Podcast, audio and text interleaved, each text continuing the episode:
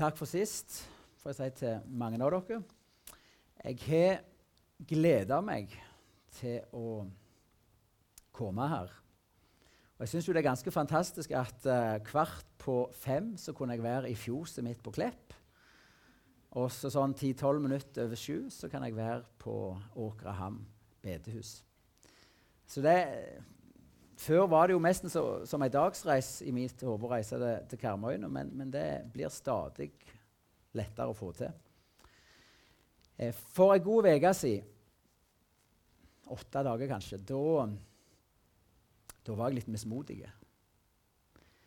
Eh, da jeg, eh, hadde jeg foran meg Sist helg så var jeg taler på en Viken. Og så visste jeg helga etterpå skulle jeg til, eh, til Karmøyene.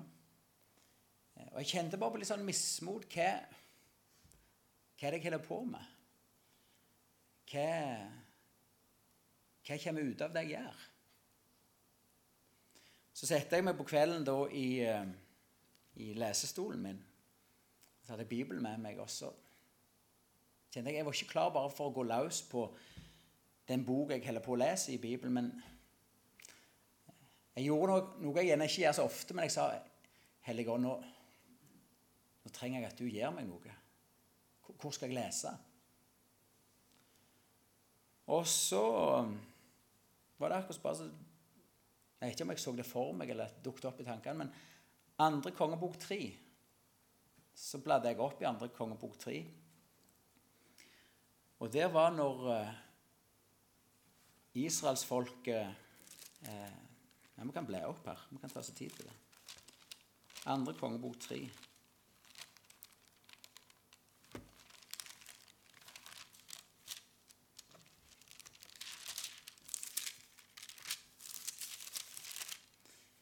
Krigen mot Moab. Jeg visste ikke hva som sto i andre kongebok 3. Men det er en fantastisk historie om når både judakongen og israelskongen de går mønstrer hærene sine, så, så, går de på et hærferd mot Moab, for Moab er gjort opprør mot Israel. Eh, men på vei ut i øyemarka eller ørkenen så går de lens for vann. Og Du kan ha så mange soldater du vil i, i ryggen og med deg, men hvis du går vannlens, så er det over tid, så, så trenger ikke fienden engang beseire deg, for, for, du dør der i ørkenen. Så det er i en fortvilt situasjon, og da sender de bud på profeten. Og han kommer med et budskap at, og sier 'grav grøfter'. For uten at dere ser tegn til skyer og regn, så skal det komme vann. Og De tar han på ordet, og de midt i ørken og øyemark, og så graver de grøfter. Og det uttørka elveleiet det blir fullt av vann. De blir berga, og i tillegg så skinner sola på dette vannet, sånn at moabittene tror at det er blod. Eh, så de stormer fram, og så møter de motstand. Så både får de vann og hjelp, og de vinner krigen. Eh, for meg så ble dette et sånt ord ifra, Gud at selv om ting ser håpløst ut, selv om det ser låst ut, selv om du har brukt opp dine ressurser, uten at du ser tegn til sky og vind, uten at du ser den vekkelsen eller den forandringen eller den berøringen som jeg vil gjøre i menneskets liv, så kan det komme, for alt er mulig for Gud. Så når jeg ikke har fått denne, så sier jeg Har du et ord til? Og en er litt vel fremodig der. Og da var det akkurat som bare andre kongebok sju dukket opp. Så blar jeg fram der, og der er det en ny fortvila situasjon. Eh, Arameerne beleirer Samaria, hovedstaden i Nordriket. Eh, de er så desperate at de er det er eselhove. Og det er en sånn fortvilelse at mødre begynner å ete sine egne unger. Det står det i Bibelen. Eh, og da er det profeten igjen får et budskap eh, at i morgen på denne tida så skal en, er det en efa med bygg, altså et mål eh, En salgsvare med kodden. det skal koste altså en ekstremt lav pris. Han sier det til kongen, og våpensvennen til kongen han bare lærer av han. Og Så sier profeten da at eh, du skal få se det, men du skal ikke ha del i det til, til, til våpensveien. Og det som skjer, er at Gud sender lyden av mektige her, en mektig hær sånn at armeerne blir redde. Så flykter de og forlater alt. Forsyninger, hester, kodden, alt. Det var en hær på 100, 150 000 mann. Fire spedalske som bor ut forbi byporten, de tenker de har ikke noe å tape, så vi går og overgir oss til armeerne. Og Da oppdager de at leiren er tom, og alle forsyninger er der. Og Dette gode nyheten blir overgitt til byen, og folk strømmer ut. Og ganske riktig, dagen etterpå så var alt dette tilgjengelig. Og det han, eh, Våpensveien sa at selv om himmelens luse ble åpna, så kan, jeg, kan ikke dette skje. Så skjedde det. Og igjen så ble det for meg en sånn påminnelse av ja, for Gud alt mulig. Selv om vi er trengt opp i et hjørne, selv om eh, det virker som det som står oss imot, er så sterkt, så kan Gud på et døgn, på en dag, på et øyeblikk snu det. Her på Karmøyene så står dere i en lang og rik tradisjon med vekkelse. Med besøk ifra himmelen, med Den hellige ånds aksjon. Med liv som er blitt forandra, mennesker som er blitt frelst. Hjertet som er satt i brann. Og min forventning og mitt håp for denne helga er at selv om vi gjerne ikke på forhånd sett tegn, til sky og vind, så skal himmelens luse bli åpna, og så, skal, så, er det kanskje du som skal få et spesielt møte med Jesus. Så er det noe i ditt liv som skal bli forandra i kveld, nå. Noe du egentlig bare gitt opp at nei, men sånn er det bare for meg. Kanskje det er det Kanskje det er det Gud vil røre med. Eh, når jeg ba konkret for, for dette møtet i kveld, så ble jeg minnet om en setning. System for å rette avvik. Jeg forventer ikke at dere skal bli fyr framme for, for, å høre den setningen, men det var liksom en setning som bare setter seg. System for å rette avvik. Eh, da er jo spørsmålet har vi som kristne gode system for å rette opp i feil, i avvik som skjer i våre egne liv, i menighetssammenhenger og i møte med andre mennesker. For i enhver annen virksomhet, om det er en bedrift eller en gard eller et idrettslag eller en nabolag, så er det helt avgjørende at det fins mekanisme, at det fins system som fanger opp feil og avvik, og at det blir iverksatt tiltak for å rette opp i den feilen. For feil skjer overalt. Avvik finner du i enhver sammenheng. Men det som er forskjellig, det er hvordan en håndterer det.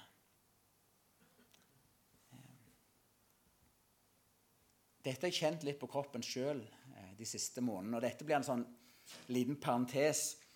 Jeg driver jo gard og på gården er det òg et kårbolig, et hus nummer to, som er leier ut.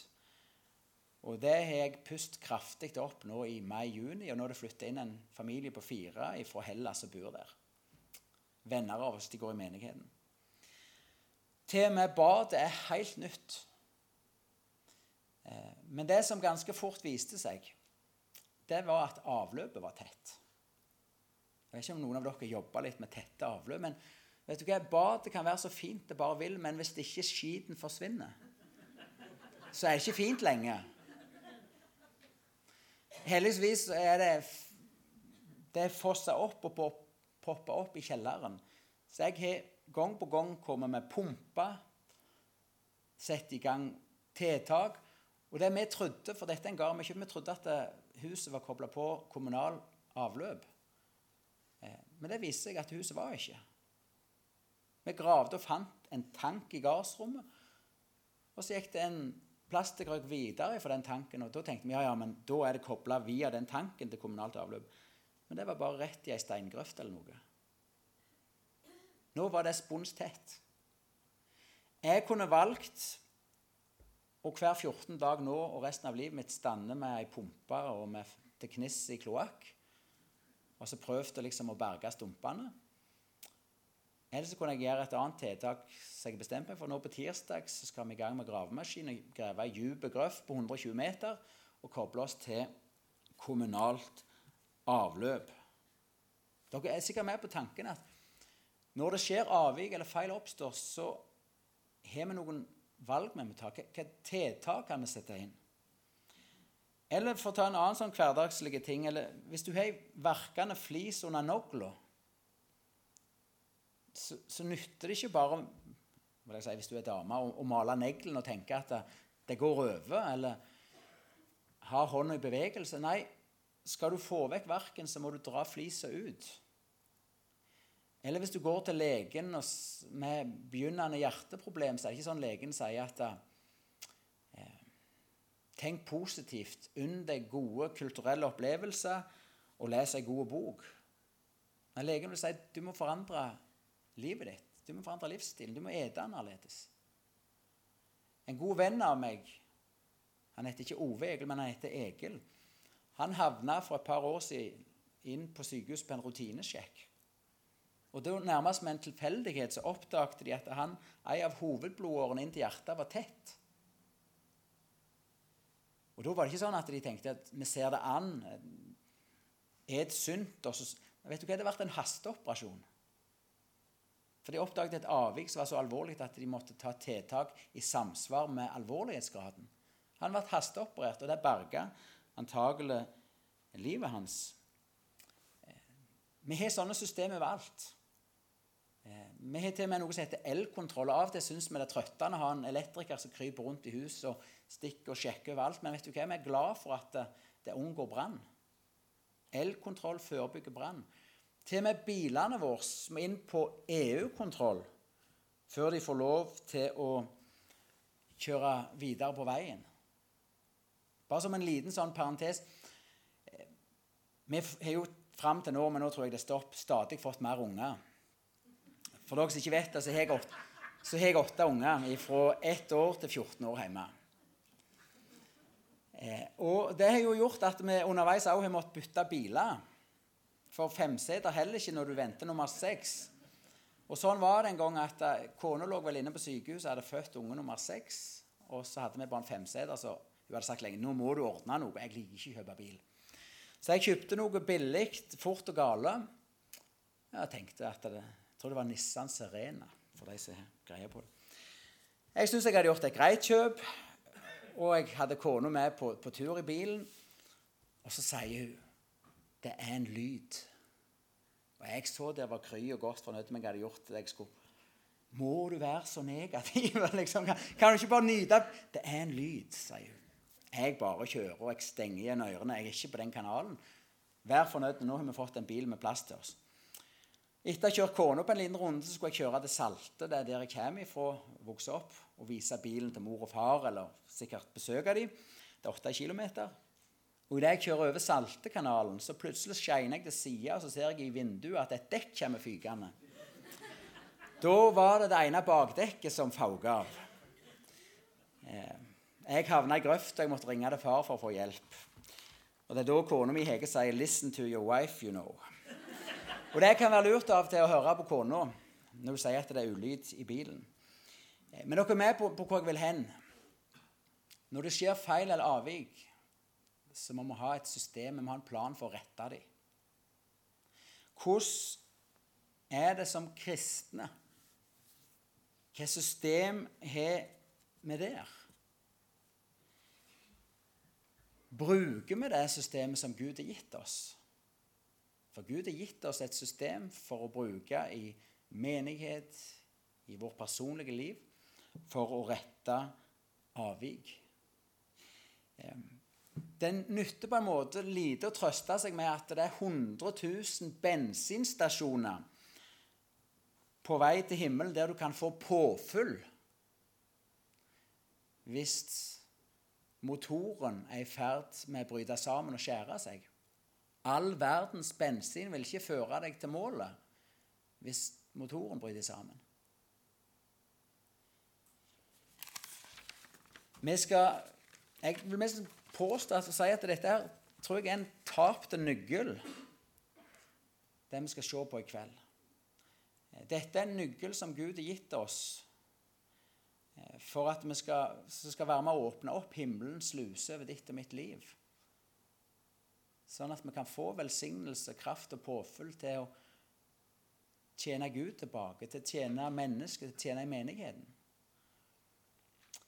Eh, og det systemet, om du vil, det kvalitetssystemet I mange sammenhenger så snakker vi om et kvalitetssystem som skal rette opp i avvik. Det systemet Gud har gitt oss, det kalles omvendelse og bekjennelse. Det står i ordspråket 28, 13 den som skjuler sine synder, går det ikke vel.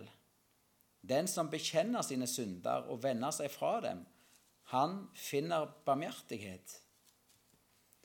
Her sier Bibelen noe som er sant og utrolig viktig.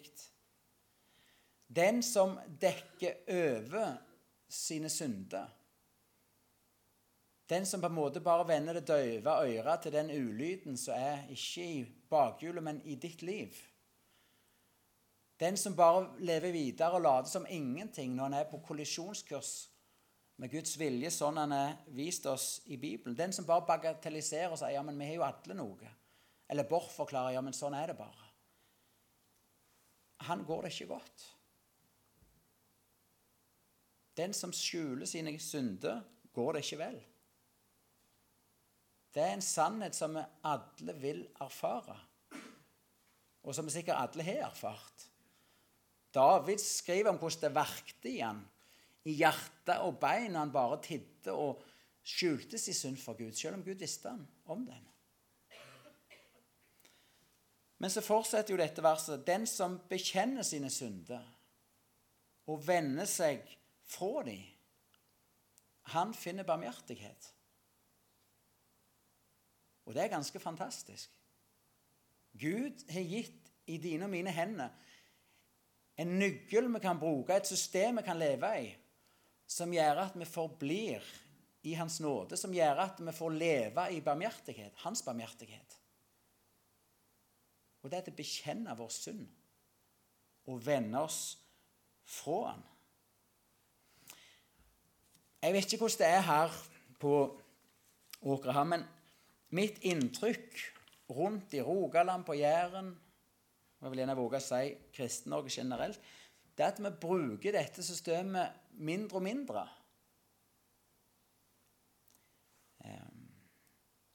Vi ønsker jo at både våre personlige liv, vårt gudsliv og vårt menighetsliv skal fungere. Men i mange tilfeller er jeg redd for at vi bare pynter på overflaten. Vi maler på neglene eller vi boner på bilen når det er verkende fliser skal ut, eller en motor som trenger overhaling.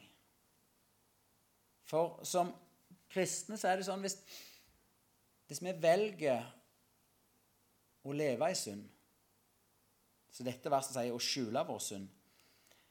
Eh, da blir vi åndelig blinde. Vi mister gangsyn og dømmekraft. Og for en kristen Og vi er jo på vei hjem. Vi er pilegrim. Enhver kristen en pilegrim. Vi er på vei hjem. Og for en pilegrim på vei hjem så er synd Jeg vet at mange av dere liksom tenker Uff, hvorfor skal en snakke om Synd er en farlig ting. Synd er en reell ting. Synd er en utfordring i alle sitt liv. For det fins feil overalt. Det fins avvik. Spørsmålet er bare hvordan du har lært deg til å håndtere det. Hvordan vi har lært å håndtere oss dette.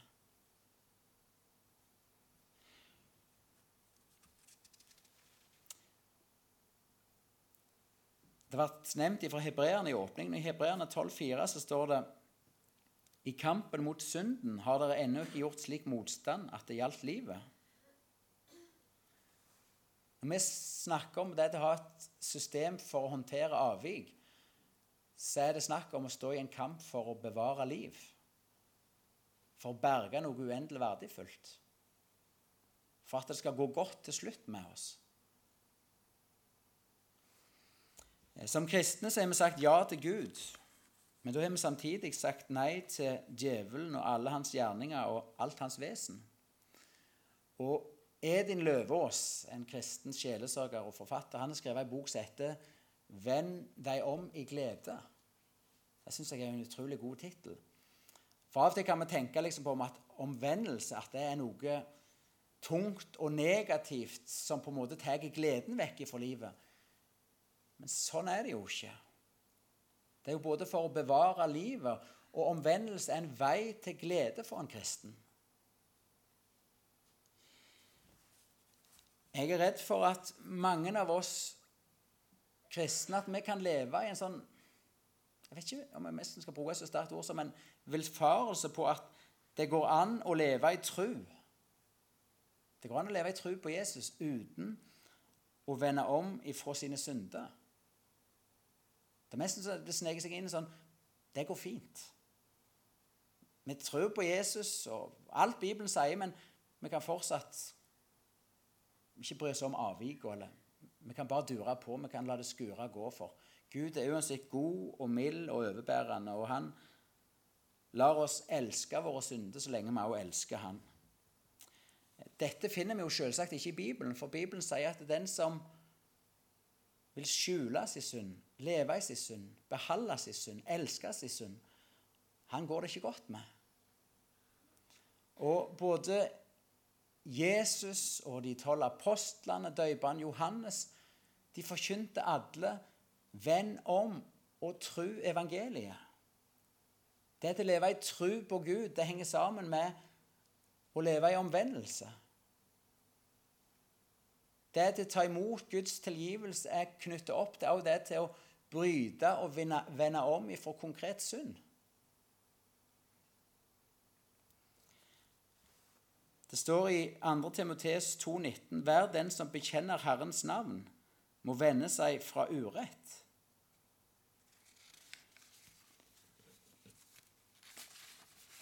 Hvordan, hvis dere er med på resonnementet mitt, hvordan, har vi havna i denne situasjonen?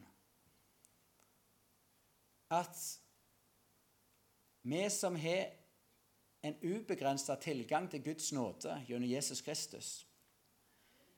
Vi som eier tilgang til en tilgivelse som kan dekke alle livets områder, altså dekke alle livets områder.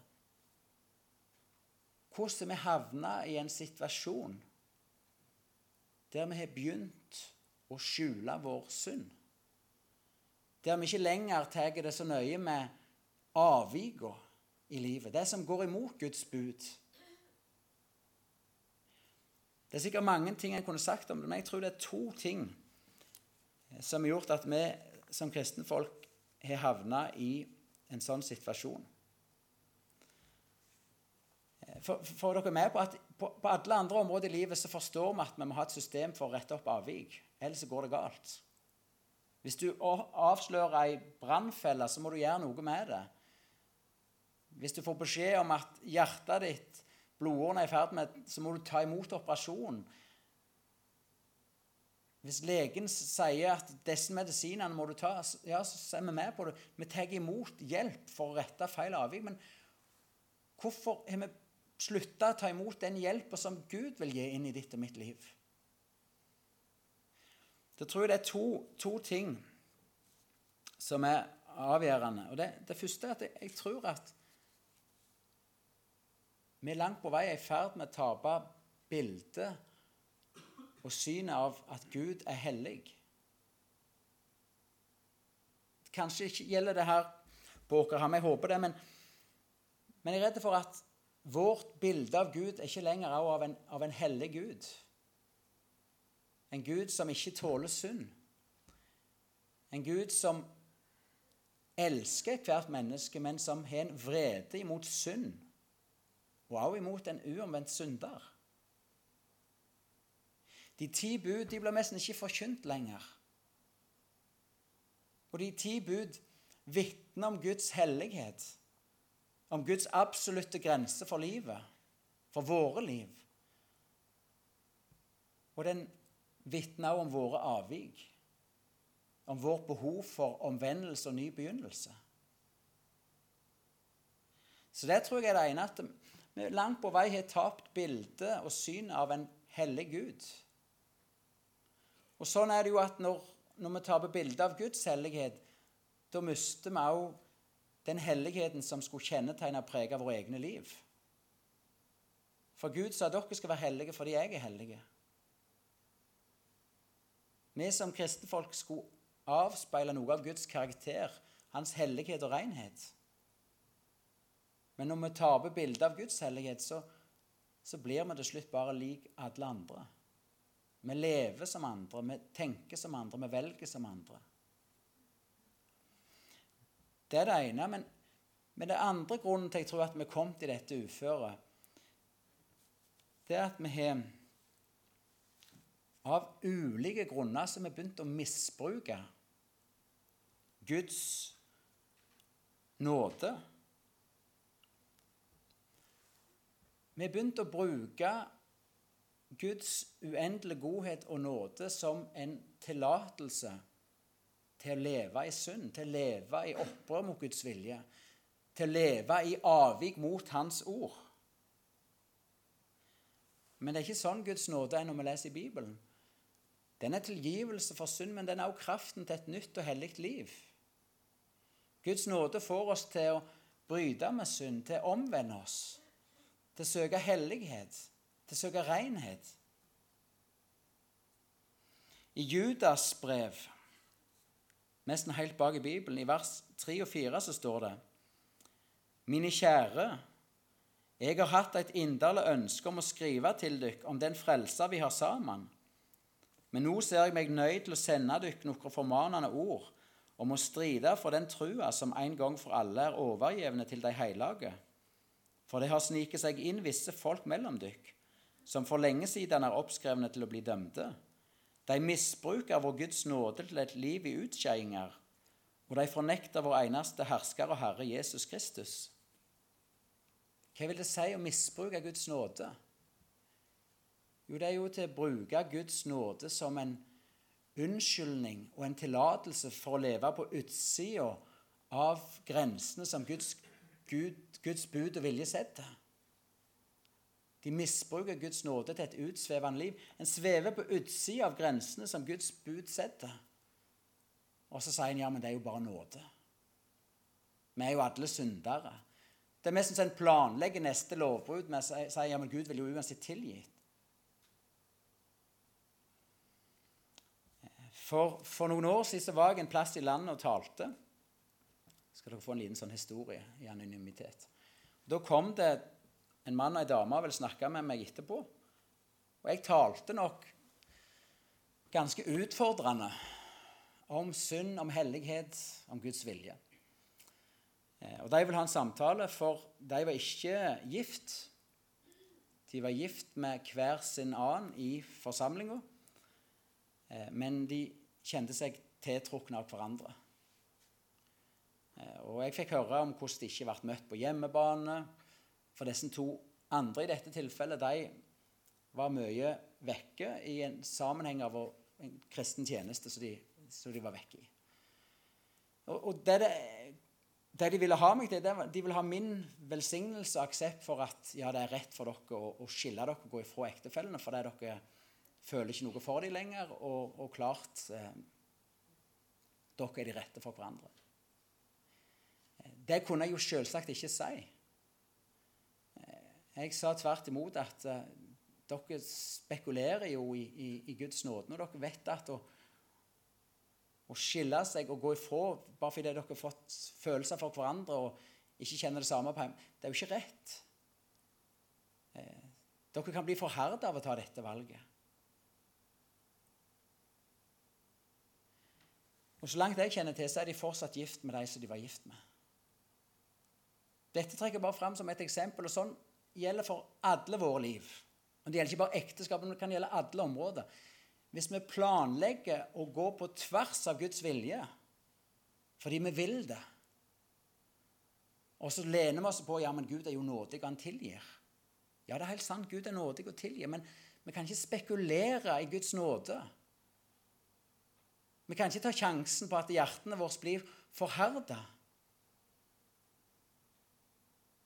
For Gud kaller oss til å leve i omvendelse.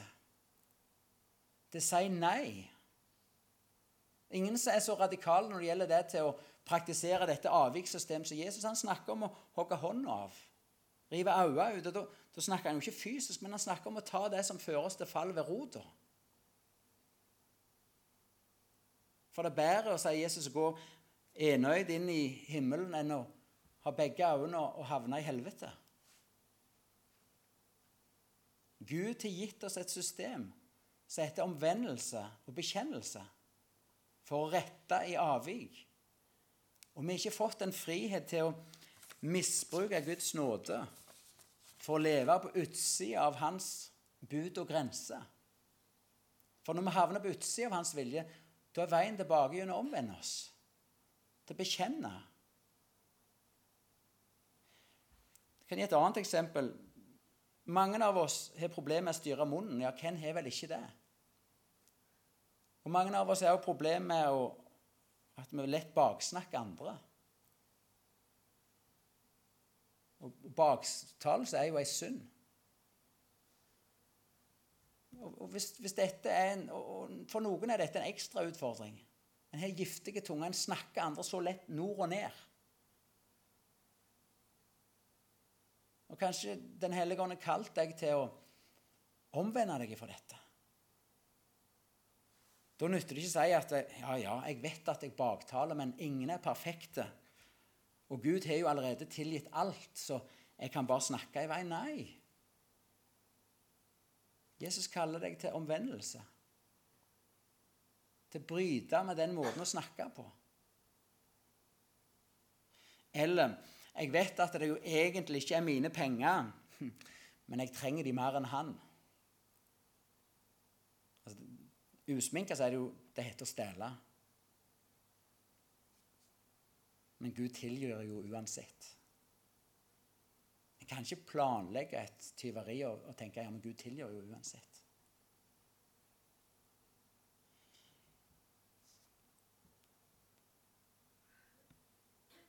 Alle bedrifter, alle sammenhenger trenger et system for å rette opp feil. For hvis ikke feil blir retta opp i, så kan det få katastrofale følger i det lange løp. Vi som kristne har fått et utrolig system ifra Gud som heter bekjennelse omvendelse. For å leve i hans miskunn. Jeg vet at um, Igjen, det gjelder gjerne ingen her inne, men når jeg taler om disse tingene, så vet jeg at en del ikke liker det. Om jeg ikke ser det fysisk, at rullegardinene går ned, men når jeg snakker om synd, om omvendelse, så mange tenker ja, men Sølve, hvorfor? Hvorfor alt dette negative? Hvorfor? Du, du, du er så hard. Det blir så lovisk. Det er så dømmende. Kan du ikke heller fokusere på, på noe positivt? Kan du ikke heller tale sånn at folk får mestringsfølelse for livet de lever? Vet du hva? Jeg syns at uh, det er enormt positivt å tenke på at Gud er villig til å tilgi alle dine og mine synder hvis vi vil innrømme at jeg er mannen. Akkurat som David sa når, han, når Nathan kom til han og konfronterte han med hans synd. Jeg er mannen. Mot Gud har jeg synda. Hvis vi er villige til å være som David og si jeg er mannen, jeg er dama, så er det ingen begrensning for hva Gud kan tilgi. For hvor nådig han er. For hvor utrolig på nytt vi får lov til å begynne. Men hvis vi lurer oss inn i den bobla og tenker at det er ikke så farlig Jeg kan bare leve videre i dette. Jeg kan skjule det for mennesker. Jeg trenger ikke bry meg Da går det ikke godt. Da blir det hjerteverk. Så jeg syns det er enormt positivt å tenke på at Gud, det finnes ikke grenser for hva Gud kan tilgi. Hvis vi er villige til å ydmyke oss, bekjenne vår synd til Han og vende oss vekk ifra det.